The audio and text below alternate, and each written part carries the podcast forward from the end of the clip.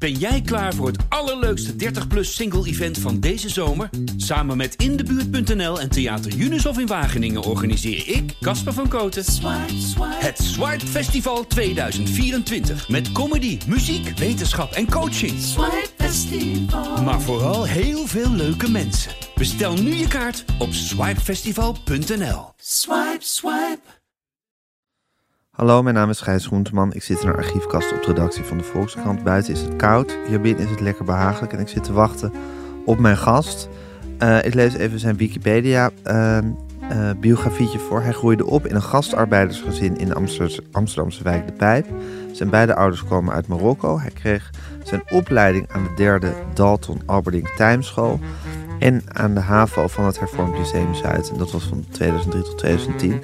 En toen kwam zijn grote doorbraak in 2013 als schrijver met zijn roman De Belofte van Pisa. Daarna heeft hij ook nog het boek Bestsellerboy geschreven. En uh, op basis van dat boek loopt nu een tv-serie waar mijn gast zelf ook de scenario schrijver en ik geloof uitvoerend producent of zo van is. In ieder geval is, heeft, is hij er nauw bij betrokken. Het is een hele erg amusante en leuke serie. Een aanrader om te kijken. En uh, ja, mijn gast is een soort onverdonderende verschijning. Vol charme en good looks en uh, ook nog talent. Dus uh, ik ga er mijn ding mee proberen te doen. Ehm, luister naar mijn gesprek met schrijver Mano Bouzamour.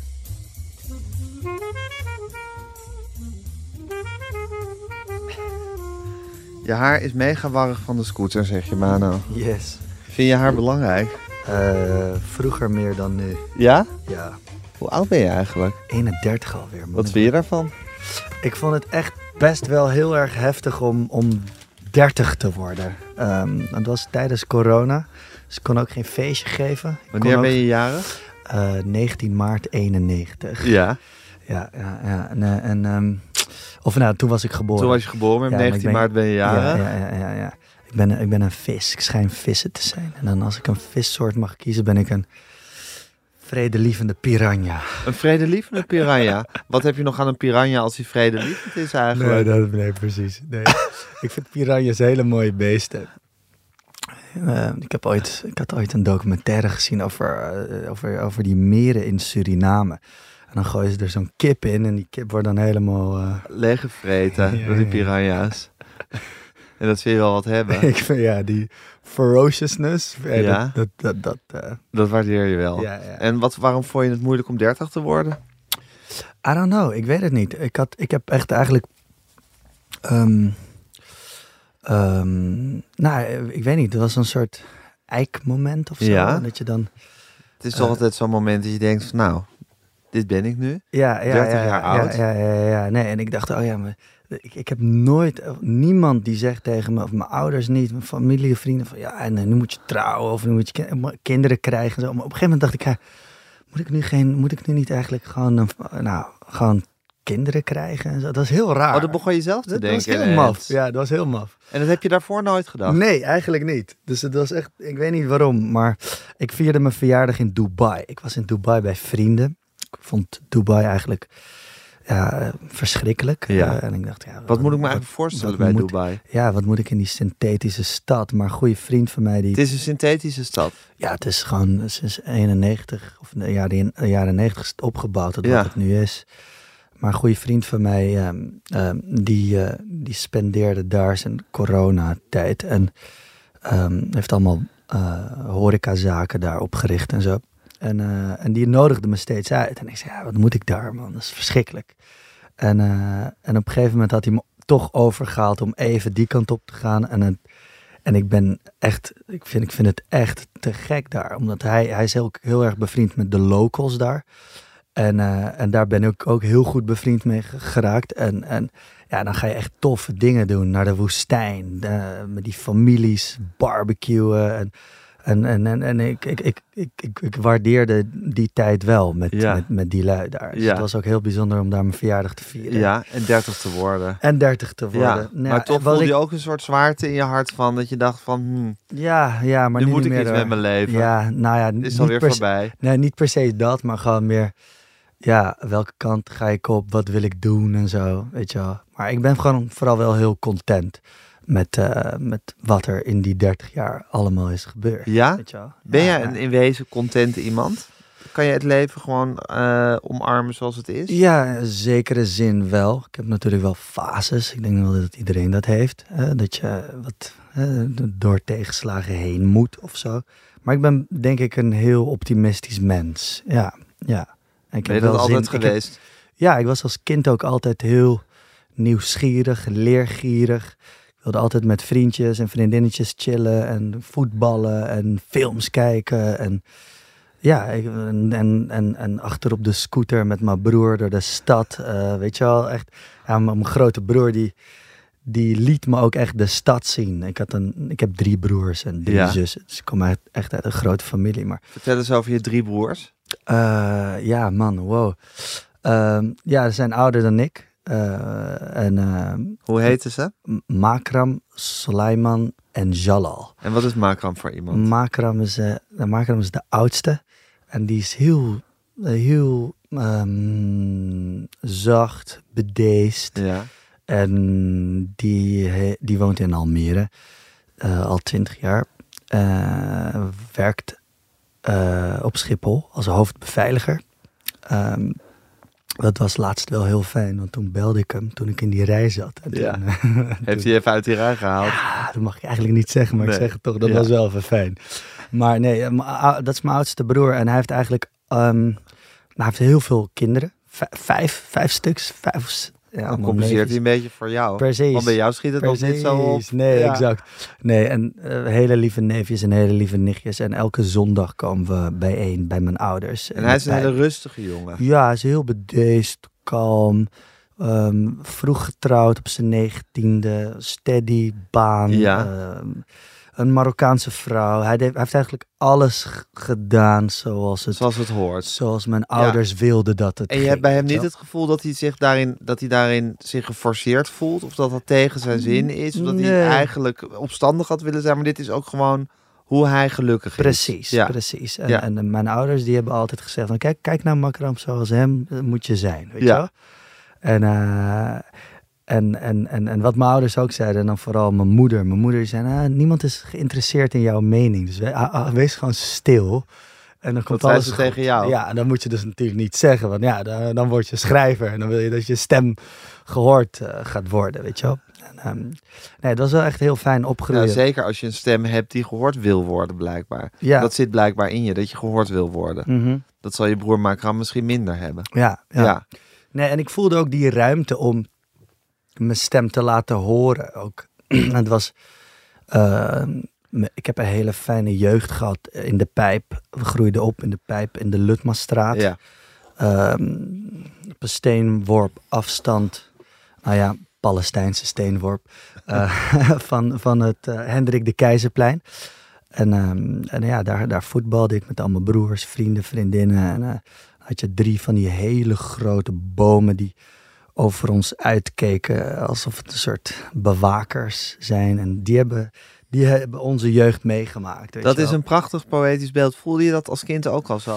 Had je ook Nee, het gevoel van die bomen kijken over me uit als een soort bewaker? Ja, nee, we schoten altijd die bal in de bomen en zo. Dan klommen we erop en ik weet nog altijd, ik, het was super imposant, weet je wel. Nu nog, als ik daar sta en ik om me heen kijk, laat staan als kind, weet je wel. Dat alles... Maar dat voelde je echt al toen ja, zo. ja, ja, ja, De grootsheid van die bomen. Ja, ja, ja, of als het, als het zomer was en die bladeren gingen ritselen en zo. Ik vond het, en dan van kleur veranderen en zo. Dat, ja, dat, dat zag ik altijd. Ja, ja. zo. Maar je hebt de wereld altijd als een soort magische plek gezien. Ja, nou ja, mm, ik keek altijd, en nog steeds, ik kijk altijd goed om me heen of zo. Ik zie dingen of zo. Of, ja, ik let op mensen. Ik let, ja, ik weet niet waar dat vandaan komt, maar het is, denk ik, uit echt oprechte nieuwsgierigheid. En, en niet uit een soort angst of zo. Of zo. Of, niet per se, maar ik wil gewoon, ik wil weten wat er om me heen speelt of zo. Ja, en als je van die hele grote bomen ziet en Ja. je hoort hun blaadjes ritselen in de wind, dan voel je een soort de, de macht en, en de imposantheid daarvan. Ja, precies. in je lijf. Ja, ik moet dan altijd denken aan wat mijn vader altijd tegen me zei. Als ik met mijn vader, die is heel gelovig. Hele lieve, zachtaardige man. En, en, en, en echt heel, heel, heel lief. En ik ken mijn vader als, uh, als een man die eigenlijk nou ja, overdag best wel moe was en middagdutjes deed. En ik heb mijn vader bijvoorbeeld nooit werkend meegemaakt. Uh, mijn zusjes, ik heb tweelingzusjes en ik, wij zijn een soort van de nakomelingen. Weet je wel? Dus uh, mijn broers en zussen, die hebben hem wel echt werkend meegemaakt. En dat hij niet thuis was en zo. Maar, mijn, mijn vader was altijd thuis. En, en wat ik altijd wel koester zijn de herinneringen als ik bijvoorbeeld midden in de nacht ging plassen of zo. En dat ik langs de keuken liep. En het was een half drie, drie uur s'nachts. En dan was het licht aan. En dan zat hij gehurkt op het balkonnetje de Koran te lezen. Weet je wel. En dan zag hij me en dan riep hij me: Kom, kom, kom, Mano, kom, kom, kom, kom, kom.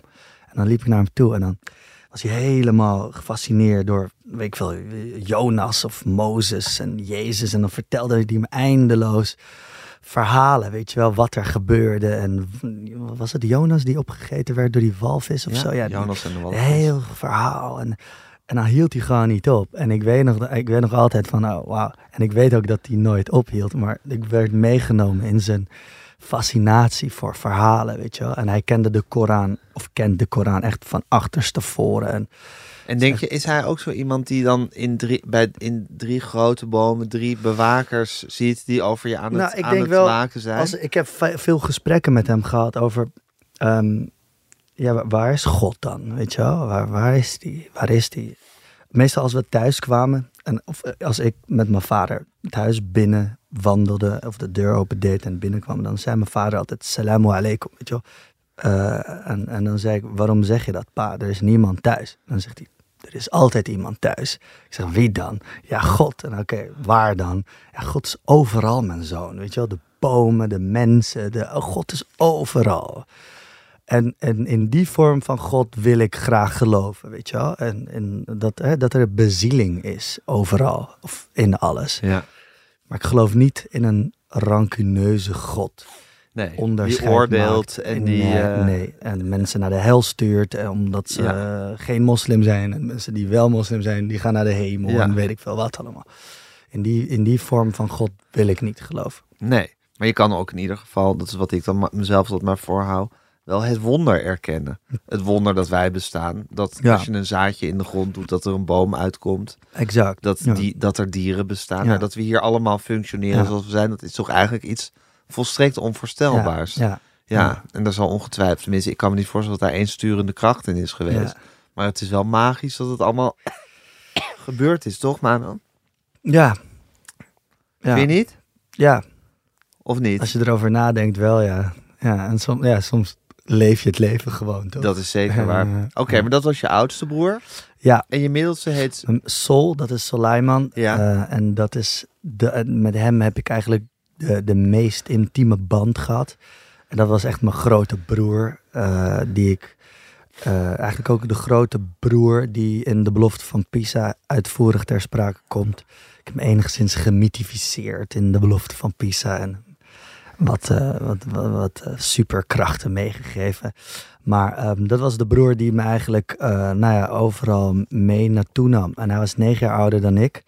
En hij was een beetje de, de, de, de, de, de gangleader, weet je wel, van, mm -hmm. het, van het groepje buurtvrienden. En ja. Die altijd met elkaar voetbalden. Altijd op de bankjes en op de straathoekjes van de Van Wouwstraat. En hij was dus wat minder rustig dan de Macron. Ja, precies. Ja. Hij was wel, hij was wel altijd um, ook bedeesd stil. Ja, maar, wel een leider. Een soort, ja, ja. Uh, ja, ja, ja, die kon wel leiden. Uh, en en, en hij, hij trainde heel veel, zat ook in het leger korte tijd. En was heel fysiek aanwezig. En uh, was echt een... we keken vroeger heel veel Rambo-films. Oh, ja? Rocky. dat met soort... Sylvester Stallone.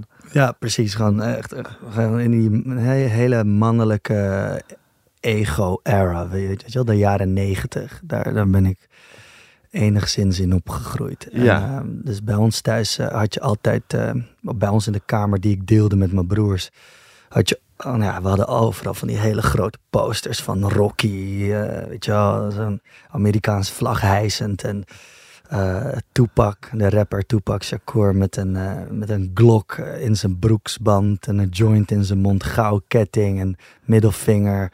Eh Thug Life op zijn buik getatoeëerd. Dat was serieus het beeld waar ik... Dat hadden jullie thuis hangen, die poster. Ja, ja, in Wat onze vond je vader daarvan? Nou, die vond het oké. Oké. Ja, dat was allemaal. Dus die ruimte was er, weet je wel, ja. om dat soort dingen te, ehm, nou ja, aan de muur te hebben hangen. En, en ik weet nog dat ik ja, Tupac heel erg fascinerend vond. En met mijn broer, met Sol, kwam ik ook in aanraking met hip-hop en rap en film. We keken altijd films tot diep in de nacht. Ehm, als ik eh, na school, ik zat op de derde Dalton basisschool in de Van Astadestraat. Als ik daarna na school ging ik altijd voetballen. En, en, en na voetbal, als, als, als het donker werd en de straatlantaarns in de Lutmastraat aangingen, dan, dan, dan, dan gingen we naar huis en dan gingen we eigenlijk altijd films kijken tot diep in de nacht. Oorlogsfilms. Tot diep in de nacht ook. ja, de Schindler's List, The Pianist, eh, The Gladiator, eh, American Beauty, Rocky. Echt. Mijn broers die werkten vroeger als krantenbezorger. En met het geld dat ze daarmee verdienden, kochten ze van die enorme videobanden van. Ja. Weet je wel, die stapelden we op in onze kamer ook. En tot het, ja, we werden eigenlijk ook wel tot de videotheek van de buurt gebombardeerd. Ja. Iedereen kwam dan bij ons af en toe een film lenen die we godverdomme bijna nooit terugkregen. Dat was altijd gedoe, gezeik. Jij mijn film nog? Welke film? Nee. Ze, dus dat was een soort van mijn jeugd, weet je wel. Ja. Ja, En dan, daarin was je, je, je middelste broer, Sol, was daar een beetje zo... ja, Die was jouw voorbeeld. Ja, de held. En jouw leider. Ja, ja, ja. ja. En, en op een gegeven moment... Ja, ik, ik hoorde al die verhalen van die oudere lui, weet je wel. Ehm, op de bankjes in de Talmastraat in de pijp. En dan hoorde ik gewoon, nou, hoorde ik ze over vrouwen praten. Hoorde ik ze over dat ze maar geen werk konden krijgen. Dat ze overal solliciteerden, Ja. maar hun cv'tjes rondbrachten, maar geen eh, nul op request kregen steeds. En ik, ik dacht toen altijd, oké, dus als ik straks groot ben, moet ik het niet zo aanpakken. Want dan ga ik niet met cv's rondstrooien, weet je wel. Dus het zijn allemaal dingen die in mijn hoofd speelden als kind. Ehm, en ik was ook een soort van volwassener dan mijn leeftijdsgenoten. En dat vond ik weer stoer, want mijn leeftijdsgenoten keken weer tegen me op, weet je wel. Dus ik kopieerde dat. dat En eh, waarin was je volwassener? nou, dat ik gewoon meer wist van wat er speelde in de wereld. Want Ja, op een ja. gegeven moment, Je was wat wereldwijzer. ja, dat. Ja. En ook wat harder, ook, en ook meer lef. Ik had gewoon, ik zag dan mijn broer en zijn vrienden, weet je wel. Ja, die kwamen overal binnen, weet je. Of het nou het zwembad was, of de bioscoop, of een museum. Ze bluften zich overal binnen, om, eh, zonder geld te hoeven te betalen of entree. Of, Ja. ja, dat, dat, die creativiteit, ja, dat vond ik wel heel tof en heel leuk, weet je. Ja. En, dat, en dat ook de, dat, dat de stad ook een soort van ons voelde. Dat gevoel van, weet je wel, Dit is jullie speelterrein. ja, dit is ja. ons speelterrein. Ja. En, en dat, en dat de De straten Pijp is, ook... de Pijp is ook wel een fantastische plek dan om op Ja, te is mega leuk, Ja. man. Eh, ja, de pijp herinner ik me als kind al. Ja, het was echt een kunstenaarsbuurt, weet je wel. En ook krakers. Er waren zoveel fucking krakers. En ik weet nog, als ik naar school liep, was het gewoon heel normaal. Als de ME eh, op het Hendrik de Keizerplein stond met waterkanonnen, schreeuwende krakers met verfbommen uit die huizen trokken, weet je wel. Dat was gewoon normaal in de pijp. Dat was gewoon cool. Dat is nu totaal veranderd. Ja, het is nu een soort vleesmarkt voor dertigers Ja, geworden. ja, ja. Ja. Ja, soms denk ik ook na van, mijn ouders zijn in de jaren zeventig naar de pijp verhuisd. Mijn moeder was geloof ik 19 en mijn papa was 22. Hoe de fuck zou het voor die mensen zijn geweest? Weet je ik zie af en toe dan foto's van mijn pa met die bakkenbaarden. Goede, goede gelaatstrekken, krachtige kin, mooie zwarte overhemd en eh, broeken met die wijde pijpen en zo. Vertelde die me altijd dat hij, eh, voordat hij mijn moeder leerde kennen in Marokko, dat hij ook al in Nederland was. En dat heel veel Amerikaanse toeristen waren. En dat, die, eh, dat was natuurlijk ook de seksuele revolutie in der tijd en zo. En gasten waren echt in trek, weet je wel. Grote, knappe gasten uit de fucking bergen van Marokko, weet je wel. En dat hij brief, eh, briefverkeer of briefcontact onderhield met, met een vrouw in Barcelona. En er was heel veel. Het, het, het gonst. En toch was hij pas 22, dus dat hij toen hij met je moeder trouwde. Grappig, hè? Ja. Had dat op zijn kerfstok. Hm. Ja, Wel jong, hè? ja mega Ja. jong. Ja. Ja, en dan je jongste niet. broer. Ja, Jalal. Jalal is eh, eh, programmamaker, televisiemaker. Ehm, die, eh, die liep als kind altijd rond met, met een kussen op zijn schouders.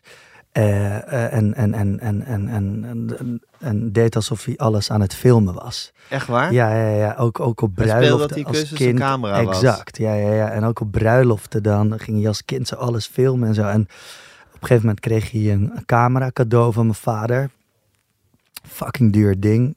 Eh, nou, dat, dat was me, is me verteld door Jalal zelf en mijn ouders.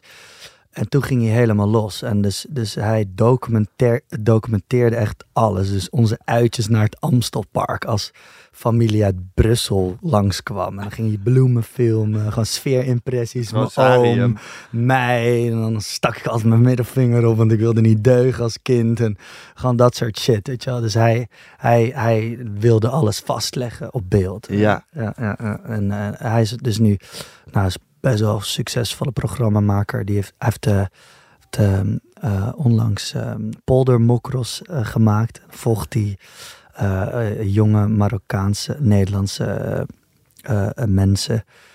totaal verschillend. Die volgt hij dan en gaat, gaat met ze naar Marokko om allemaal dingetjes te doen, uitstapjes en zo. En een soort van re- reality. Spreken jullie elkaar veel? Ja, ja, ja, ja, Ja? Vanochtend nog.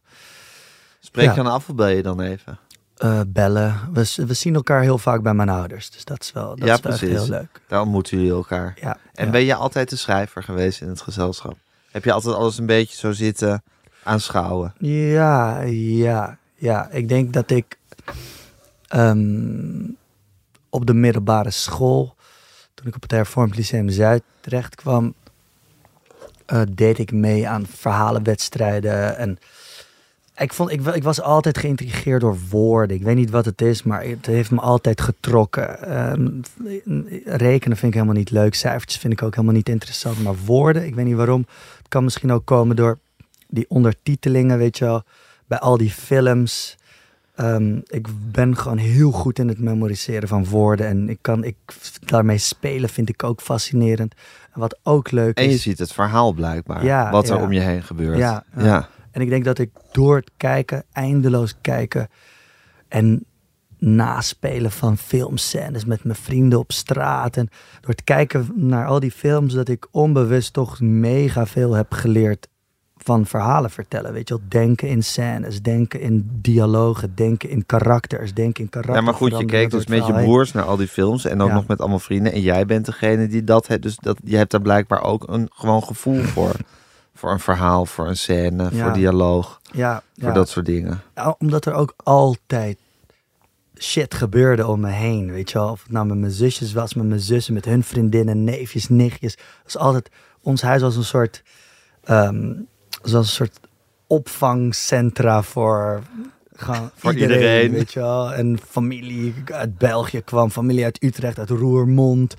Ehm, het, het was, en ik had dan vrienden mee, mijn broer had vrienden mee. Dus het was altijd, als ik thuis kwam, zag je voor de deur zo'n enorme fucking schoenenzee. Weet je, en aan die schoenen kon ik een soort van herleiden van wie, daar, wie thuis was. En, en dat was altijd leuk. Dat was altijd, dat is altijd rumoerig, dat is altijd lawaaiig. En ik kan echt serieus de vijf keren herinneren dat ik alleen thuis was. En Ja, enorme stilte was. dat, zijn echt, dat is heel uniek dat dat gebeurde. ook echt van genoot. Ja. En dan letterlijk twee of drie minuten later hoorde hij de deurklink weer. En dan was het, dan was dat En dan begon het weer. ja. En ik denk ook door die, ik weet niet, ik kan, ik kan me best wel goed, heel erg goed concentreren eh, in lawaaiige situaties of cafés. Of ik, ik kan overal schrijven. Ik Ja. ben daar een soort van, dat, dat, dat, dat, dat achtergrondgeluid is gewoon de eeuwige Dat soundtrack. stilte voor van- jou. Ja, Ja. precies. ja. En, en over dat memoriseren en woorden. Mijn vader, die komt ehm, uit de bergstreek.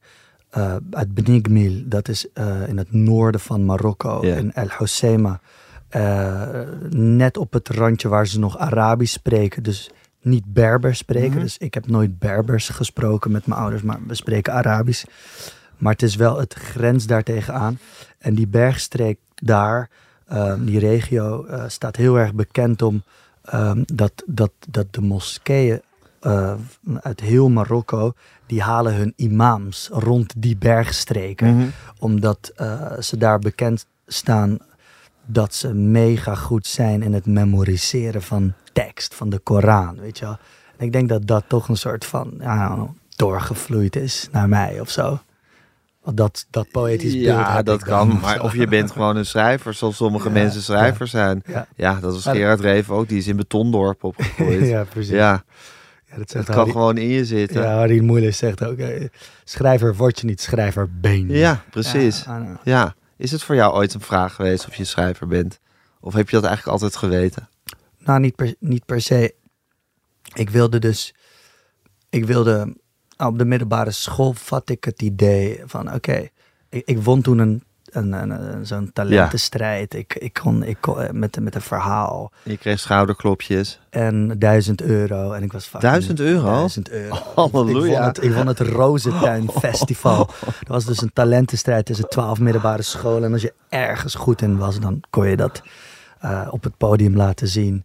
En ik werd toen uitgekozen als finalist van mijn middelbare school. Ik moest het opnemen tegen de andere mid- ehm, finalist van de andere middelbare school in het Roze Theater. Op de Rozengracht. En ja, toen, toen vond ik het eigenlijk... Ik, ik, ik dacht dat ik het verkloot had. Ja. Omdat ik eigenlijk helemaal niet vond dat ik het goed had klaargespeeld. Uh-huh. Maar ik won het toch. Dus het was zo heel raar winnen. Maar goed, ik, met die duizend euro, ja, ik vond het te gek dat ik duizend euro won. En die duizend euro herinvesteerde ik weer in een ehm, theateropleiding die ik, ehm, die ik eh, deed na de middelbare school, na het behalen van mijn HAVO- HAVO-diploma. Ja. bij It's DNA, Ja, daar heb je dat geld aan. Nieuw Amsterdam. Ja, maar was dat schrijverschap, kwam dat dan omdat je dus eh, gestimuleerd werd en prijzen won? Of had je ook echt in jezelf het gevoel van ik moet verhalen eh, in woorden vatten en op papier zetten? Ja, dat had ik, dat Ja. had ik al. Dus ik schreef al korte gedichtjes, korte Altijd verhalen. Ja. in mijn schriftjes eh, tijdens Nederlands. De juffrouw Nederlands, die lette En die op. belofte van Pisa, hoe kwam die daaruit? Hoe bedoel je? Hoe Nou, was dat, was dat, was dat worstelen of was dat, was dat Ja, een ja. stroom? Of, eh, nou dat, was, dat was dus nadat ik dat won en zo. Toen dacht ik, oké, van kennelijk vinden mensen mijn shit leuk. En ik vind het fucking leuk om te schrijven. En ik kan er geld mee verdienen. Dus toen dacht ik, oké, wacht even. Dit moet ik aandacht geven. Dit moet ik liefde geven. Dit moet ik... Dit moet, hier moet ik mijn best voor gaan Per doen. se, precies. Dus op een gegeven moment ging ik heel veel lezen. Ehm, ik las echt alles, man. Ik las Herman Koch, ik las Tommy Wieringa, ik las Connie Palm, ik las Saskia Noord. Ik las... ehm, op een gegeven moment op die theateropleiding gingen we ook gewoon ehm, theaterteksten lezen. Weet je wel, Tsjechov, eh Gogol, al dat soort gitzwarte... Beckett. al, nee, die niet. Nee? Nee, nee, nee, Oh. die niet. Maar eh, het was wel, eh, daar heb ik nog nooit trouwens iets van gelezen. Maar op een gegeven moment, na die, na die theateropleiding, dat, ik, ik- die ik overigens niet had afgemaakt, want ik was er doodongelukkig. Het, het duurde een jaar. Maar ik wilde dus geen acteur worden. Maar ik vond toneelschrijven heel tof. Ja. En op een gegeven moment dacht ik, ja, fuck dit man. Ik ga nu hiermee kappen en dan ga ik aan mijn boek beginnen.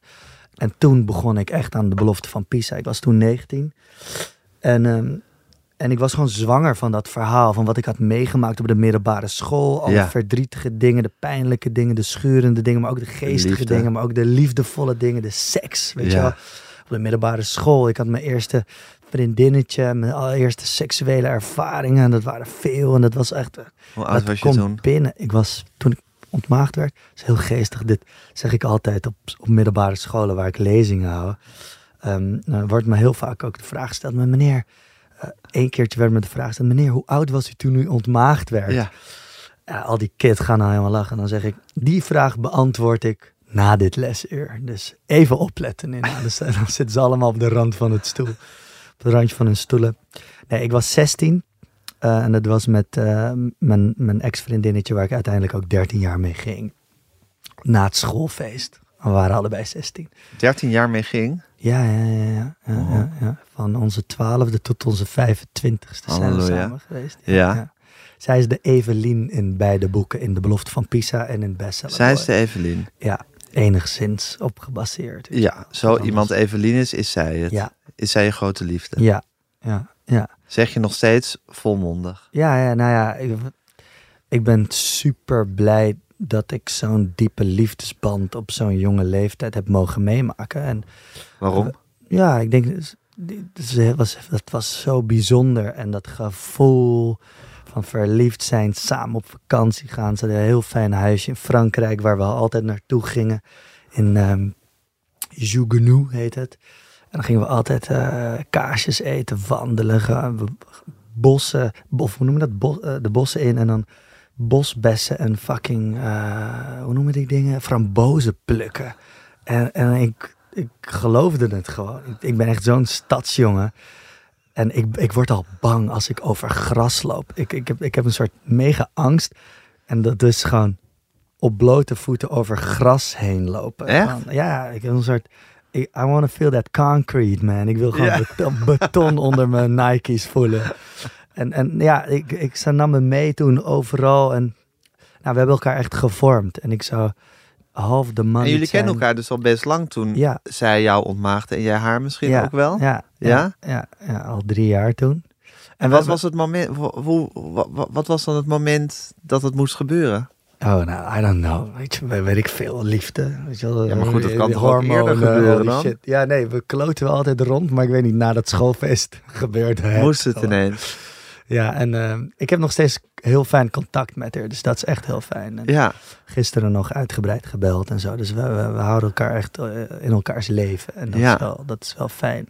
ja. Het is grappig dat je heel openlijk over seks en zo praat en schrijft. Ja. En dit, dit vind je eigenlijk toch te intiem om het dan over te oh, hebben. nee hoor. Nee? Oh, nee, nee. Wat, wat wil je Nou, horen? nee, waarom, waarom, waarom het dan toen Dat vind ik fascinerend. Waarom dat dan Ja, toen daar, gebeurde. daar, daar kom ik niet. Daar, ik weet niet, ik probeer daarbij te komen met. Je weet het niet meer. Nee, dat. Ja, ja, dat is gewoon- precies. is gewoon echt, ja, die lichamelijke, hoe noem je dat? In elkaar. Ja, dat was gewoon, het moest gewoon. En was het fantastisch toen het helemaal gebeurde? Nou, het was gewoon, ja, die eerste keer was gewoon, je weet wel, de eerste keer. Maar daarna groeide het natuurlijk. En, en, en uiteindelijk was dat het eh, geweldig. Dus dat was. En ben je een goede minnaar? Ehm, Wat denk je I zelf? don't know. Ik, ik neem wel de tijd en de aandacht. En ja, en ik ben een gever ook. Dus jij, ben jij een goede minnaar? Eh, ja, denk het wel. Ja? Ja. En waarom? Wat? Why? Misschien een beetje hetzelfde. Oké. Ja. Ja. Ja. Ik vind het wel leuk om er mijn best voor te doen. Ja, in nee, elk tuurlijk. geval. Tuurlijk. Ja. Ja. Ja. Ik interviewde eh Milou Delen. Die had een, eh, had, een, had een heel boek geschreven over, ehm, over eh, vrouwelijke seks, hoe vrouwen hun seksualiteit beleven. En dat ging erover dat een heleboel mannen totaal niet geïnteresseerd waren in het vrouwelijk orgasme. Ja. Die waren alleen maar geïnteresseerd in zelf Ja, klaarkomen. maar dat is verschrikkelijk, man. maar dat, ik vind A verschrikkelijk, maar B kan ik me daar niet eens iets bij nee, voorstellen. ik ook niet, nee. Ik vind, dat zo, ik vind eigenlijk zelf klaarkomen zo oninteressant vergeleken bij de ander. Ja, nee. Dus dat het niet om mezelf heel eh, heilig voor te doen, maar dat ik denk van, hé, hoe kan het nou dat je alleen maar seks hebt om zelf even klaar te komen Ja, en dan denkt, whatever. Ja, maar ook eh, dom. Bedoel, Ja. dan mis je toch eigenlijk het hele leuke gedeelte. Ja, ja, vind ik ook. Eh, de Mohammed de profeet schijnt ooit gezegd te hebben, want het staat in al die overleveringen. ehm, eh, zorg ervoor dat, dat je vrouw eerder klaarkomt dan jij. Ja. Dat vond ik echt wel super Goeie mooi. tip van Mohammed. Ja, dat is een goede tip van Mohammed. Ja, precies. Ging je vader dat ook zeggen? Als Ja, hij nee, op balkon zat? Ik heb het nooit kunnen toetsen bij mijn vader of het nou echt is gebeurd. Heb je wel eens over seks gepraat met je vader? Nou, niet per se. Nee, nee, nee, Nee. ik denk het niet. Nee, nee, nee, nee. nee, Nee, maar dit schijnt Mohammed gezegd te Ja, hebben. dat schijnt hij gezegd te hebben. Dat vind ik best wel cool. En, eh, en, en eh, ja, en daar scha- schaar ik me ook wel achter. Of zo. Ja, Ik probeer wel altijd dat ook te laten gebeuren. En dat we er allebei van genieten of zo, weet je wel. Ja. is zo, ik, ik hoor dan ook van die horrorverhalen van, van meisjes, weet je. Over gasten die dan alleen maar, ja, wat jij zegt. ja, even hun ding doen. Ja, ja. En, dan ik vind het eh, altijd een snurkend in slaap Ja, vallen. fuck dat. Ik, heb, ik vind het altijd een sport om orgasme zo lang mogelijk uit te stellen. Gewoon, ah, ik, ja, dat- dat vind ik altijd wel heel fijn eigenlijk. Bij jezelf of bij de ander? Allebei. Ehm, ja, bij mezelf en bij de ander wil ik het eigenlijk gewoon zo snel, mo- zo snel mogelijk laten plaatsvinden. Oké, maar zo. bij jezelf wil je het zo lang mogelijk uitstellen. ja, ja, ja. hey, maar goed, dat was dus je grote liefde. En die had je op de middelbare school. En je kwam van de middelbare school af. En je was, zoals je het mooi zegt, zwanger van dat verhaal. Ja, Dus in Hmm. die zin is het zo, het moest eruit. Ja, Die belofte van Pisa moest, moest geschreven worden. ja, ja. En het hele maf Kan je is... dat gevoel omschrijven? Ja, tuurlijk. Ik, ehm, het hele maf is... Ja, ik was toen klaar met die theateropleiding. Ik dacht, ja, flikker op. Ik wil helemaal geen gewond schildpad spelen... die door het fucking gymzaal kruipt. Of je moest een gewond dier spelen. Ik weet nog dat ik dat deed. Ik ging mijn, kooltrui, mijn hoofd in mijn kooltrui Ja. stoppen... en dan, ik speelde dat ik een schildpad was. Die ge- en dan dacht je, wat de fuck doe ik hier, man? Dit, is- dit wil... Nee, dit is niet mijn leven. En, en, en, en, en al mijn vrienden, nou, maak het nou maar af, maak het nou maar. Ik, maar ik was dood ongelukkig gewoon. Dus, en ik, toen dacht ik, nou, ik moet gewoon gaan schrijven. Dus ik begon toen, eh, ik werkte toen ehm, overdag bij een sushi-restaurant op de Zuidas. Hello Sushi. En eh, daar, daar bracht ik sushi rond en zo. Eh, en nam ik ook heel vaak dozen sushi mee naar huis als dat overbleef. En dan ging ik eh, meestal in de ochtend sporten. Dus, eh, keihard fitnessen, keihard sporten.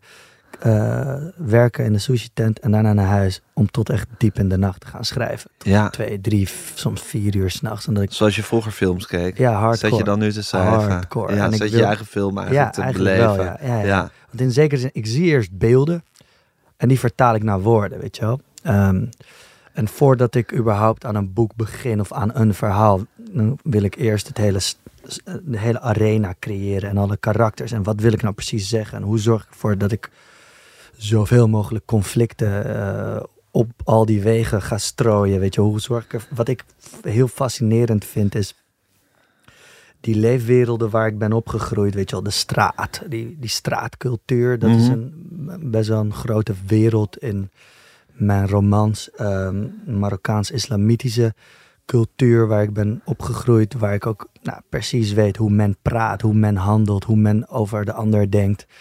Maar ook dat Amsterdam-Zuid wereldje, weet je wel, waar ik op de middelbare school heb gezeten en waar, ik, waar al mijn vrienden, een groot deel van mijn vrienden vandaan komen. En daar weet ik ook hoe men praat en handelt. Zo en praat je nu ook een beetje. Ja, je praat ja. Amsterdam-Zuid. Ja, ja. Ja, We praten een beetje hetzelfde wat dat betreft. Ja. En wat ik dan interessant vind is die karak om karakters te creëren die, die uit die werelden komen en in elkaars werelden te laten komen. En Ja. wat gebeurt daar dan? Wat, eh, dat, vind ik interessant. En dat zie je gewoon gebe- Is dat- gebeuren als je Ja, daaraan denkt. Ja, is dat, is dat komisch? Is dat schurend? Doet dat pijn?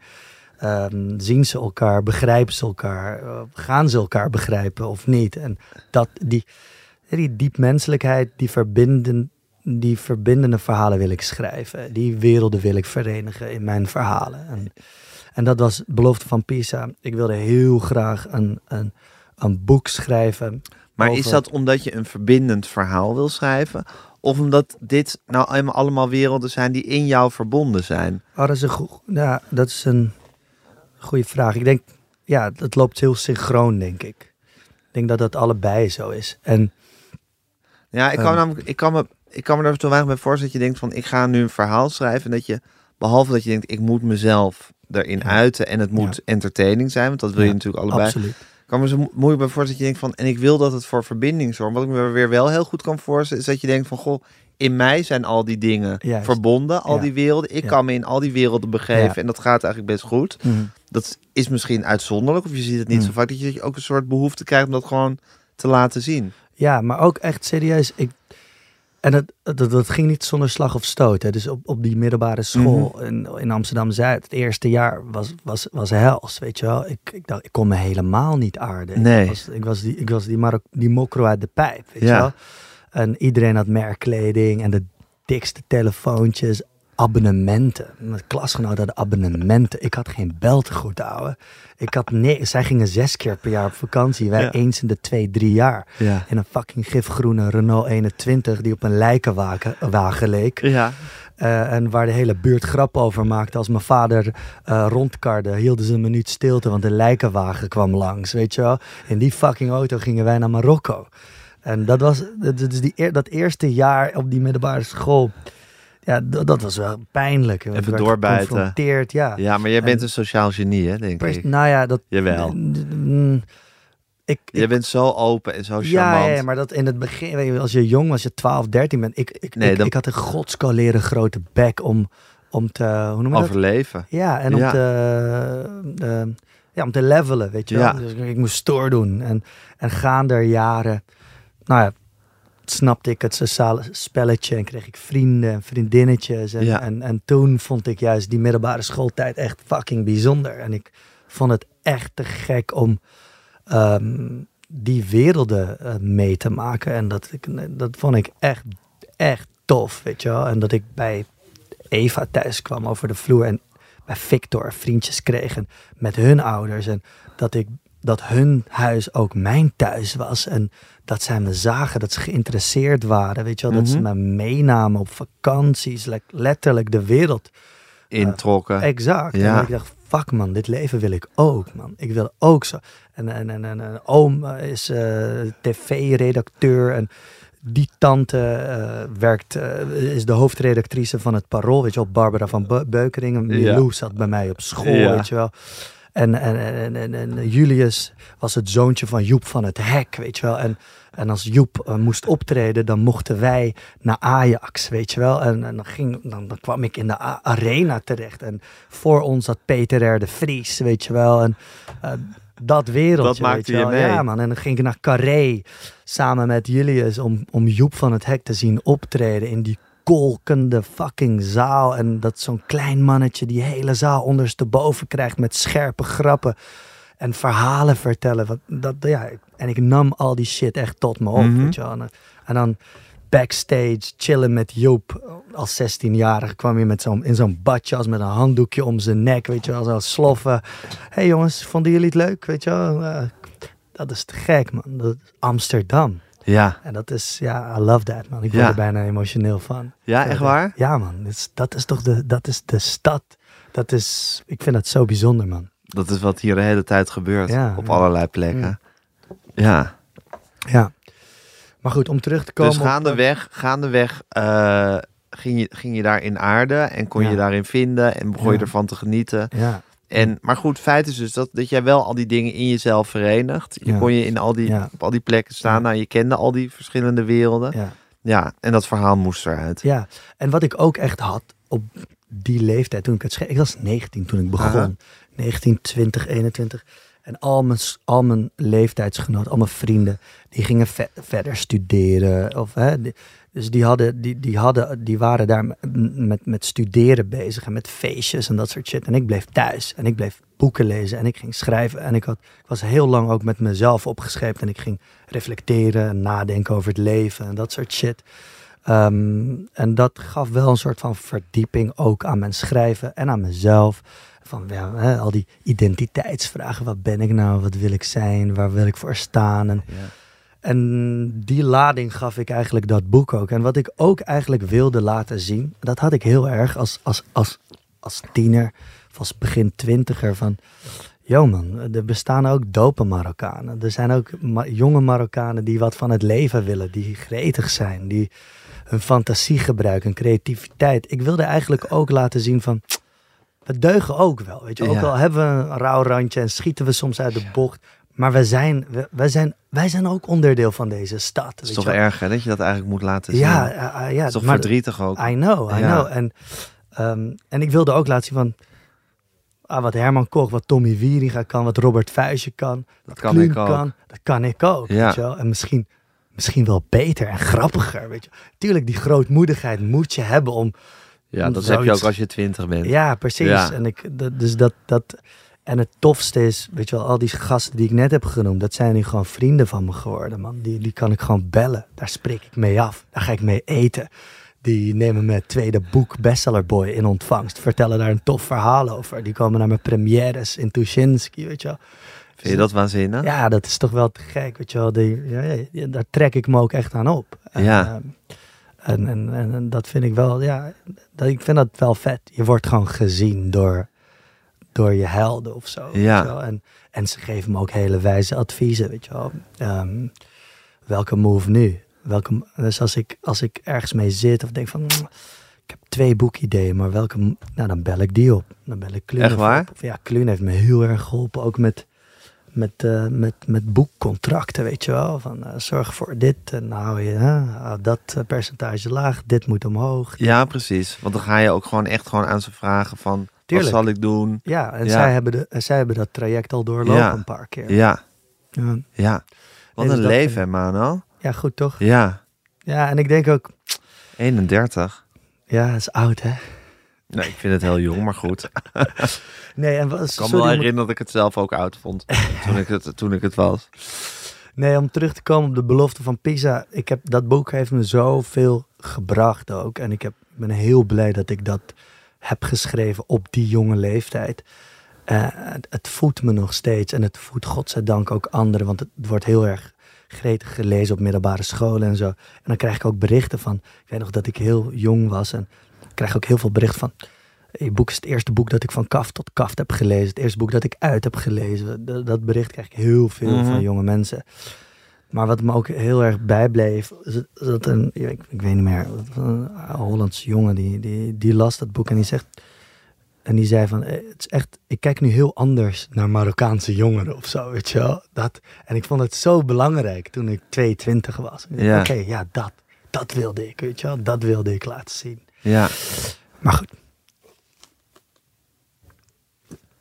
slokje koffie. ja. Maar je bent wel tevreden over die eerste 31 jaar van je leven. Well, ja. Heb je het gevoel dat je nu, dat je nu, dat je ook een beetje, want die, die serie is er nu ook, daar heb je ook Ja. heel lang aan gewerkt. Ja, nou, Vertel even over hoe de jaren zijn geweest dat je aan die serie hebt Oh, gewerkt. maar ja, nee. De serie is gebaseerd op mijn tweede roman, Bestseller Boy. En Bestseller Boy, dat, is het, mijn- dat was mijn tweede boek. En die kwam vijf jaar eh, later uit dan. eh, of of die kwam vijf jaar nadat ik De Belofte van Pisa had geschreven. Omdat toen Belofte van Pisa verscheen, dat was echt, I don't know. Het was, ik kwam twee keer in dezelfde week bij Pauw en Witteman. Daar was veel gedoe, gezeik. Gezeik met mijn ouders, gezeik met familie, mensen uit mijn buurt. Het boek deed wat. En het werd ook gelezen, het werd vertaald, het werd Het werd verfilmd. je niet door iedereen in dank afgenomen. Nee, precies. Nee. En, en daar ben ik heel blij mee. Want dat heeft, me, dat heeft mijn karakter heel erg gevormd. Ja? Ja, ja, ja. Je wordt, eh, je, je wordt, eh, ja, je, je- wordt daar wel taaier van of zo, weet je wel. Hm. Ehm, ik had eh, in, in heel mildere vorm wat Lale Gul eigenlijk nu overkom, overkomt. Ehm, bij haar is het nog veel intenser, Mhm. veel heftiger. En, en, en het zijn ook twee totaal andere boeken. Maar zij is ook een meisje, weet je wel. Ja. En, ik, weet- ik weet nog goed, man, dat ze een half jaar voordat haar boek verscheen. ehm, want we zitten bij dezelfde uitgeverij, we zitten bij Prometheus, bij My Spijkers. Half jaar voordat haar boek verscheen, belde ik haar op en ik zei: Alsjeblieft, als je boek verschijnt, zorg ervoor dat je een goede, solide basis om je heen hebt. Weet je goede vrienden en zo. Want als dat boek van jou gaat komen, Dan gaat er veel gebeuren. Exact. En zij Ja. zei, ja, nee, het komt goed. En, en we spreken elkaar geregeld. En zij zei, van, man, je had echt gelijk. Ik had het helemaal niet door. Had jij een solide basis om je heen toen dat boek verscheen? Mm, enigszins. Enigszins. Ik had gelukkig wel mijn broer nog die achter Mhm. me stond. Dat, dat was wel fijn houvast. En wat, wel wat goede vrienden. Welke van de drie? Sol. Ja. Eh, eh, ja. En eh, dat was heel fijn. Ik voelde me toen heel erg gesteund ook door hem. Maar dat is gewoon denk ik wel heel belangrijk als je in zo'n super turbulente fase terechtkomt. wa- Wat je nooit kan voorzien, weet je wel. En dat gebeurde dus met de belofte van Pisa. En het werd vertaald. eh, ik had een... Ik had een Colombiaanse uitgever, een Duitse uitgever. Ik had tours door Zuid-Amerika, door, door Duitsland, Zwitserland, Oostenrijk. En dat was echt een heel maf. En Ja. ik kon best wel lang surfen op die golf van publiciteit. Lezingen, columns. En, dus ik, en ik vond dat leventje wel leuk. Weet je wel. Ik had drie jaar geschreven aan De Belofte van Pisa. En ik dacht, nou, als het boek verschijnt, Ja. ga ik lekker... eh, ga ik lekker opnemen. Ja, dan ga ik het allemaal meemaken. Ja. Maar ik was ook doodsbang om weer in de pen te klimmen. En en ik had echt best wel licht traumatische ervaringen daaraan overgehouden. Weet je wel, door dat gezeik met mijn ouders. Ik werd uit huis gekikt. Door dat gezeik, dat geframe bij Pauw en Witteman. Zat ik daar mijn boek te promoten als 22-jarige jongen. En dan allemaal beelden om me heen. Die grote tv-schermen met moslim-extremisten, biddende moslims. En ik dacht van, hoezo staan Wat heb die ik hiermee mensen- te ja, maken? wat, wat heeft dat te Ja. maken met mijn boek, weet Ja. je wel?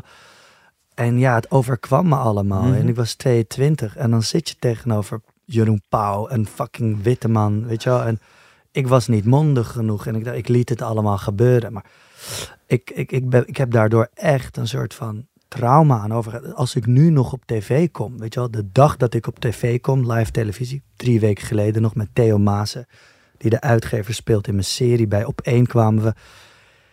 Die dag ben ik doodsbang en zo fucking zenuwachtig en voelt het alsof ik naar het schafot toe wandel om fucking onthoofd te worden.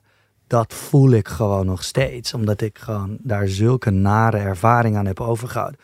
Maar ik ben nu wel echt veel, veel mondiger en ik spreek ook die redacteur aan van, yo, grap, als het maar ook een kant op gaat van moslimterrorisme of weet ik veel wat, of de islam, of je bent een islamhater, of ik sta op en ik gooi die fucking microfoon tegen die kop van die presentator aan, want het gaat mij niet weer gebeuren, weet je wel. En dan nee, maar dat is dus wel een harde les voor je geweest. Ja, ja, ja. En niet per se op een, op een, op een, op een zachtzinnige manier is dat nee, gegaan. Nee, nee, nee. En die wond zit er nog bij.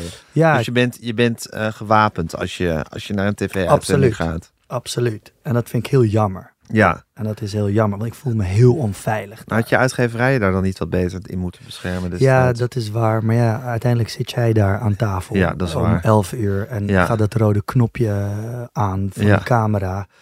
En moet jij daar klaarspelen. Ja. Terwijl ja, er- moet jij in dat, in die, in dat slagveld eh, Exact. het lui, vege zien te redden. Ja, maar goed, Ja. Het, het, het, het, het, het is allemaal oké, weet je wel. en Het Ja. hoort erbij. Maar om terug te komen op eh, Bestseller Boy. Ja, vijf jaar later. Dat ging daarover. eh, ja, ja, over die Over die periode. hele periode. Exact. ja. En ehm, ehm, eh, Was dat heel anders toen je, zoals je zelf net zei, in de pen klom voor Bestseller Boy dan voor... eh, de belofte van belofte Pisa. van ja. Totaal anders. Ja. Gewoon, totaal anders. Ik moest koude kleren aan. Eh, ik moest echt demonen bevechten. Kan ik het nog wel? Ben ik een one day? ja, eh, ben one ik een, trick pony. ja, iemand die één, een één, one-hit wonder? één, eendagsvlieg. Ja, Ja, ben ben je ik- iemand die één keer iets Ja, heeft gepresteerd? Ja. Ja, en dan moet je, moet je, moet je die demonen bevechten. Ja. En misschien kan ik het wel niet meer. Ja. Misschien.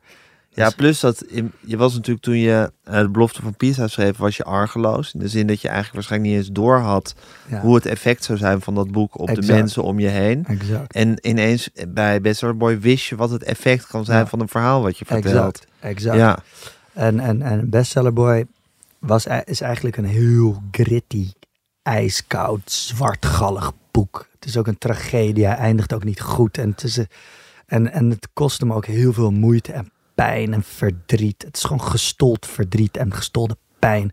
Wat ik, heb, of wat ik op papier heb gebracht. Wel op een hele humoristische wijze. Maar ehm, dat boek begon eigenlijk toen ik het goed had gemaakt met mijn ouders na drie jaar. Ik had ze drie jaar niet gesproken vanaf het moment dat de belofte van Pisa verscheen. En mijn boek ging als een speer en mijn carrière ging als een speer. Alleen ik had geen familie Ja. eh, waar ik naartoe kon. Of ze hadden me de rug toegekeerd op het moment dat ik ze het hard, hardst nodig had. Dus ik voelde me heel verraden. En, en er was een enorme woede. En die woede is ook een fijne brandstof, weet je wel. Ik dacht, ik ga het iedereen fucking laten zien. Ain't no way back. Ik ga nooit meer terug. Ik ga echt...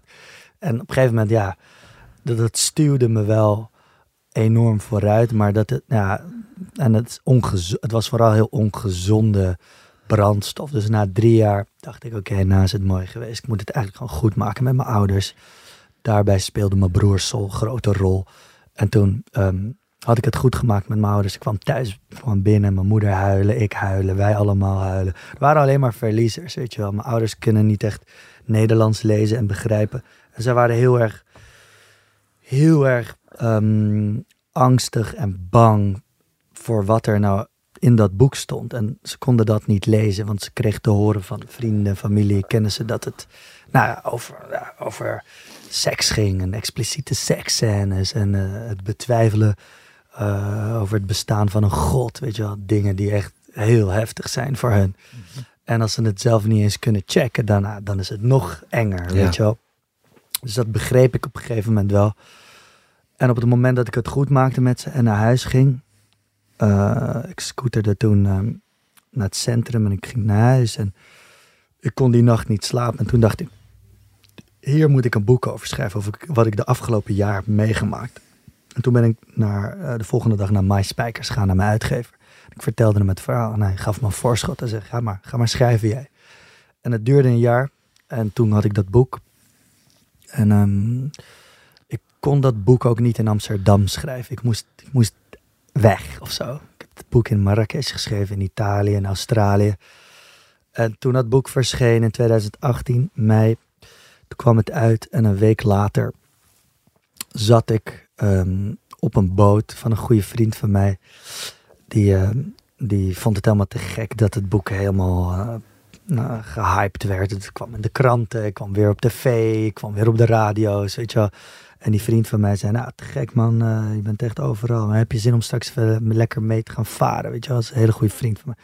Ik zei, ja, let's go. We gingen varen. En op een gegeven moment uh, word ik gebeld door Robert Alberding Time, scenario schrijver. Die Doenja en Daisy heeft geschreven, Adam en Eva. En, en uh, hij werkte toen aan het script van De Belofte van Pisa, de verfilming van mijn eerste boek. En hij vroeg waar ik was. En ik zei, nou ja, over 300 meter varen we langs jouw huis op de Keizersgracht. En toen zei hij, ja, oh, oh, oh dat, is, dat is toevallig. Ik ben hier met een filmproducer uit L.A. Die slaapt drie nachtjes bij ons. Vind je, vind je het oké als we mee mogen varen? Dan ziet hij Amsterdam vanuit een ander perspectief. Ik zei, hop on, buddies. Weet je wel, kom gezellig mee. En uh, Robert was uh, diep in gesprek met die vriend van mij. Want ze hadden een gemeenschappelijke vriend, Reinhard Oorlemans. En ik was in gesprek met die filmproducer uit L.A. Alon heette die reizige Joodse dude uit L.A., weet je wel.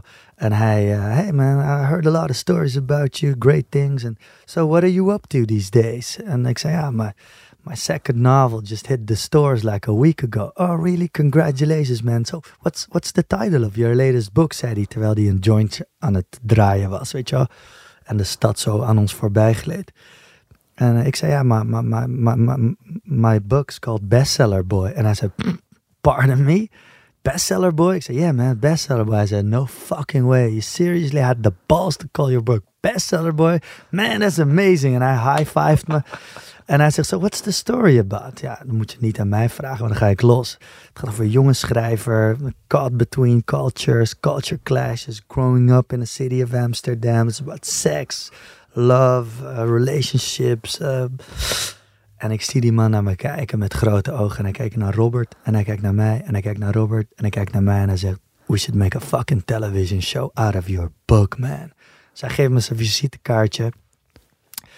En uh, hij zegt: Ik wil alles van je weten. Weet je wel, stuur me je biografie op, vertaalde stukken, interviews, alles. Ik zei: Oké, okay, is goed.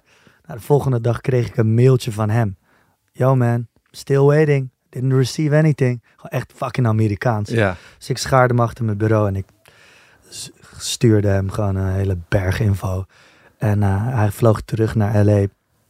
En had daar een meeting met uh, de bazin van CBS Studios, Megan Livers. Zij was de voormalige PA van Robert De Niro. En hij zegt, yo, I met, I met this Dutch Moroccan kid in Amsterdam. Uh, and um, he works with Robert, uh, Alberding Times, a screenwriter in the, in the Netherlands. And and uh, he wrote this book and it's about this and this and that. En zij van, yo, set up a Skype meeting. That's the story I've been searching for for years. En zo is het balletje eigenlijk gaan rollen. En toen gingen we um, schrijven en, uh, en, toen wilde CBS Studios de rechten hebben van het boek en het verhaal. En uh, toen, uh, toen, toen hebben we echt jarenlang gewerkt, geschreven. En de Hoe hele... is het om daar jarenlang aan te werken? Ja, dat was wel echt een le lekker lange stretch. Word je er niet net te gek van op een gegeven moment? Ja, nou nee, ik, ik, ik, ik kan wel heel lang bezig zijn met een project. En het Hm. heeft best wel mijn, um, mijn, aan, mijn, mijn aandachtspannen mega uitge, Rekt, uitgerekt ja. en vergroot. En ik vond het voor, het was echt een soort schrijven op Champions League niveau. Want niet alleen had ik nog nooit film geschreven, maar onder de hoede van Robert. Ik heb natuurlijk gezien hoe hij een filmscript van A tot Z heeft gecreëerd met de belofte van Pisa. Ja. We hebben heel veel over film gepraat, we hebben heel veel over schrijven gepraat, heel veel over scènes. En, ehm, en, en, en, eh, en onder zijn hoede ben ik, ben ik gaan schrijven en dat is echt heel erg bevallen. En we zijn ook echt, echt een goed team, vind ik. Ehm, ik, kan, ik kan Robert nu bellen en zeggen, hey, Robert, aflevering 5, hè? scène 23. Wat nou als we die laatste twee zinnetjes omdraaien en dan bijvoorbeeld dit erbij verzinnen en zorg. Eh, ja, te gek, laten we dat doen. Weet je wel, het is, we zijn zo in elkaar het gaat bijna op op, op woordniveau dat je dat helemaal zit uit te ja, pluizen. Ja, ja, ja. En, en, en ook nog eens met de redacteuren eh, van, CBS Studios eh, en die van de Avrotros en de NPO. Die gaan dan ook scripttechnisch, weet je, of script, script-wise nou, zich ermee bemoeien. Dat vind je heerlijk. Oh man, Ja? al die notes, al die meetings en zo. Oh ja? Ja, ja, ja. Het, het slijpt je wel als scenario schrijver. Ik vond het wel, ja, ik vond het heel fijn. Om, Ben je eh, trots op de serie? heel erg. Ja? Ja, ja, ja. Het zijn acht afleveringen van 45 minuten per aflevering. En ik denk dat het echt, ja, om niet op te scheppen, het zijn echt juweeltjes van afleveringen geworden. En de, en, en, en de, en de acteurs en Zijn actrices zijn, zo tof. Ja. En, het verhaal, en het, we hebben in Amsterdam geschoten, op het Het ziet er platteland. waanzinnig uit. Ja, en in Marokko hebben we ook geschoten. Ja. Dus het was heel cool. Heb jij het, je hebt het gezien, hè? Ik heb drie afleveringen gezien Hoe vond je van het? de acht. Eh, ja, doet er niet toe, maar ik vond het heel erg mooi. ik vond het heel erg... Vond het heel eh, amusant sowieso. Ja, dat ja. klinkt aanmatig, maar dat bedoel ik in een Nee, hele goede... nee, nee, enter- zeker. het is echt entertainment. Ja, ja, En eh, ik vond het ook eh, hartverwarmend. Ja. ja. ja. Ja, ook lief en ontroerend. Ja. dat zit er allemaal echt wel goed in. En we hebben een heel tof team gehad. Ehm, en en zo'n serie wordt natuurlijk gedragen door zoveel schouders. Het is Ja. gewoon, sta je daar op een set. Het gebied rondom Paleis op de Dam werd afgezet. Trams die worden omgeleid. Gewoon, en dan sta je daar, weet je wel. De personages ko- komen echt tot leven en zo. Het is gewoon maf om mee te maken. Maar ik geloof dat jij alles in je leven kan omschrijven als een heel spannend verhaal. Ja. Dat is geloof ik een talent van jou. Want je hebt het nu gehad over, eh, over dat voetballen bij die bomen. Ja. En over, over dat, er, dat je gaat filmen op het paleis bij, eh, op de Dam. Ja, Ja, en bij jou, als jij het vertelt, klinkt het allemaal dat je denkt, oh ja, fantastisch. Ja, ja, nou, het Jij, hebt gewoon, jij hebt gewoon de gave om je leven als een film te zien. Ah, ja, misschien is dat het geestig dat je dat opmerkt. Want die vriend van mij, Momo uit Dubai, Ja. die zegt dat ook. Hij zegt, man, you know, you're such a good salesman, man. You would be Ja. a great salesman, man. You Ja, can- want jij kan je eigen leven like- verkopen. Inderdaad, je denkt van, oh ja, zo'n leven wil ik ook. Oh, Ja. ja. nou ja. Ja. Ja, kennelijk. Zijn er dingen die jou ongelukkig maken? Ja, ja, absoluut. Wat? Ehm, ehm, Wat vind je moeilijk van het leven? Ehm, wat vind ik moeilijk? Ik vind, ik vind liefde soms af en toe heel moeilijk om Mhm. dat beteugeld te krijgen of zo. Weet je? Wat Omdat- bedoel je, wat bedoel je met beteugeld te Nou ja, krijgen? ik heb af en toe best wel ehm, moeite met liefdesrelaties of zo. Om, om dat een soort van. eh, om mezelf daarin helemaal over te geven. Hm. Daar wil Je ik houdt altijd een soort reserve. Nou, niet per se een reserve. I don't know, misschien heeft dat te maken met hoe ik ben opgegroeid. Lukt? Hallo, is oké? Je een slokje van mij? Nee, er zit hier een ding. Het is nu Oh. weg volgens mij. Ja, je bent opgegroeid. Ja, nee. ehm, en misschien heeft dat te maken met die breuk met mijn ouders. Dat ik mensen moeilijker vertrouw of zo. Terwijl ik dat ook niet hecht heb of zo. Ik heb best wel... Ik, ik hoop... Ik hoop... ehm, ik hoop echt een Is het niet zo, vrouw tegen te is komen. het niet zo dat jij toch juist met jouw talent om het leven als een avontuur te zien en als een film, Ja, dat je toch ook altijd de vrijheid wil om het avontuur aan te gaan en niet per, bedoel ik niet per se ja, met een andere liefde of seks of weet ik, maar gewoon ja, om elk moment elke kant op te kunnen ja, die je op wil. ja, maar dat, dat wil ik altijd blijven doen. Nou, precies. En dat is toch, als je echt bindt aan iemand, dan ben je toch ook verantwoordelijk van kom je thuis s'avonds? Ja, ja, Eh, wat ga je doen? Waar ben je volgende week? ja. Eh, dat is fantastisch van een Ja. liefdes, maar dat is natuurlijk ook, dat heeft ook iets beperkends. I know. En ik hoop ook, ik hoop gewoon een, een liefde te vinden die me daarin ook vrij laat. Ja. Of zo. En ik wil heel graag kinderen wel. Om terug te komen op. eh, ik zou heel, dat zou ik echt heel tof vinden. Om, om kindjes te maken. En ja, ik denk dat ik dat heel graag zou willen nog. ja, ja. maar je hebt een soort vrijheid nodig Ja, om, absoluut. om soort de avonturen van het leven te kunnen ja, eh, Ja. aangaan. ja, Dus je moet iemand vinden die dat misschien net zo heeft, of die daar volledig begrip voor heeft exact. en jou dat gunt. Ja, ja, Ja. of misschien niet eens jou dat gunt, maar gewoon dat volstrekt normaal vindt dat je dat doet. ja. En het me ook gunt. En dat je, ik, ja, maar met in gunnen zit al iets van, eigenlijk vind ik het, vind ik het vervelend, maar, oké, doe het maar. Ja, ja. eh, dat is net zoiets als dat je homoseksualiteit moet accepteren. Ja, denk je, ja, nee, je moet het niet accepteren. Het is er gewoon. Exact. Maar dus, dus het, is, moet misschien nog, nog meer zijn dan gunnen. Moet het gewoon zijn, nee, natuurlijk. Jij bent zo, dus Exact. ja. Ja, dat, eh, dat zou ik nog wel willen. Nee, Ja. ehm, Maar je zou je eigenlijk wel echt willen... ver- je, je zou echt een liefdeskoppel willen zijn ja, met iemand. ja, dat wel. Heel erg. Nee, wat, ik- waar, als ik dan aan terugdenk aan wat mij echt ongelukkig heeft gemaakt. Ja, die liefdesbreuk, weet je wel, met Eva, dat was zo intens. En ik kon daar echt dan, ik was daar echt twee, drie jaar echt doodongelukkig van. Weet je wel, dan is het, is het leven ook zwart, weet je wel. Ehm, dus ja, dat eigenlijk. En ehm, ja, Ja, maar dat is dus eigenlijk omdat je de, de schoonheid van het leven... ja, namelijk de liefde, wat toch Ja. een van de ultieme dingen Ja. is... omdat je dat zo intens doorvoelt... dus eigenlijk een soort heel positief gevoel... Mhm. als het dan niet kan zijn zoals je zou willen dat het is... dan doet dat je gewoon heel veel Ja. verdriet. Dus Ja. het is eigenlijk juist door jouw extreme romantische aard... Ja. dat je zo erg in de liefde gelooft... ja, dat het je zo'n pijn doet als het niet lukt. exact. Ja, En dat, is, dat, dat vind ik altijd dan wel heel moeilijk, omdat ja, voor, voor zo'n liefde heb je twee mensen nodig, weet je wel.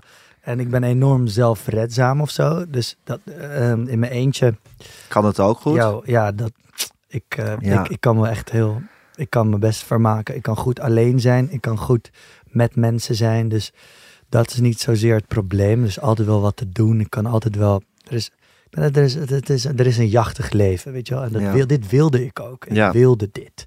Ik wilde, als ik naar Marrakesh wil morgen, dan ga ik naar Marrakesh. Om Ja. daar de finale van Marokko te zien. Weet Ja. je wel? Om het daar te ervaren. Eh, als ik naar eh, een vriend van me wil in Zuid-Afrika, dan pak ik volgende week het vliegtuig en dan ga ik daarheen. Als ik volgende week met een goede vriend die me heeft meegevraagd om vijf dagen te gaan chillen in Monaco, sla ik mijn laptop dicht, ga ik die kant op. Weet je? Ja. Die lichtvoetigheid, of naar het ballet gaan vorige week, of naar het concert dat, dat, dat voedt me wel echt. Ja, En gewoon met vrienden zijn. Ja dat, heb je nodig. Ja, Anders en- kan je niet leven. Ja. Ja, niet per se.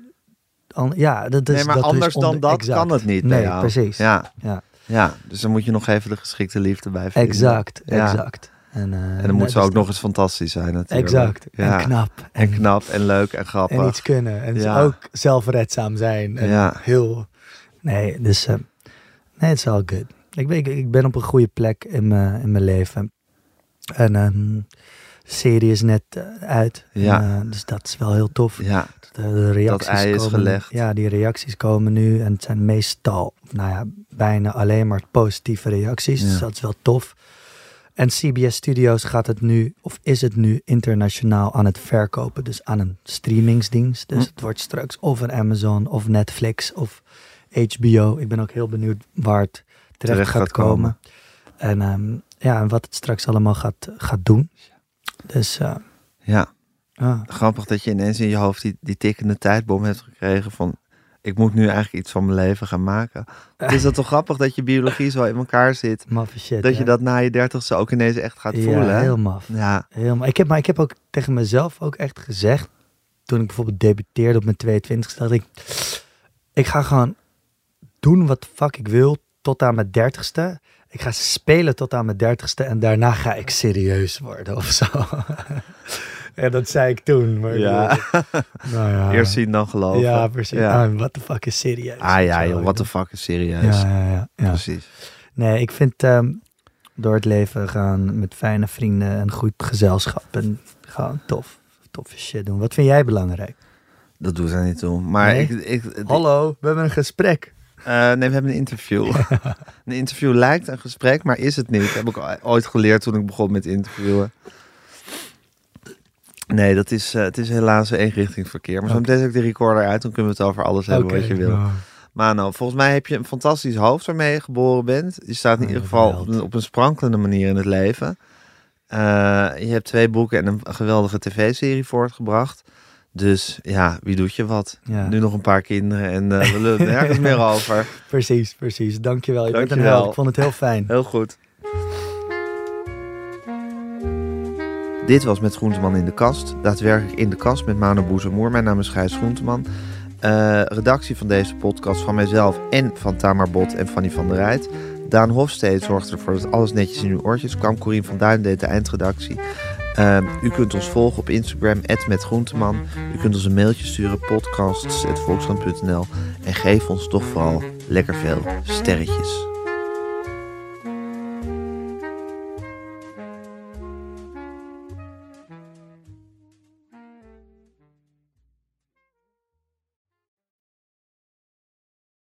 Ben jij klaar voor het allerleukste 30-plus single-event van deze zomer? Samen met Indebuurt.nl en Theater Junushof in Wageningen organiseer ik, Casper van Koten, het Swipe Festival 2024. Met comedy, muziek, wetenschap en coaching.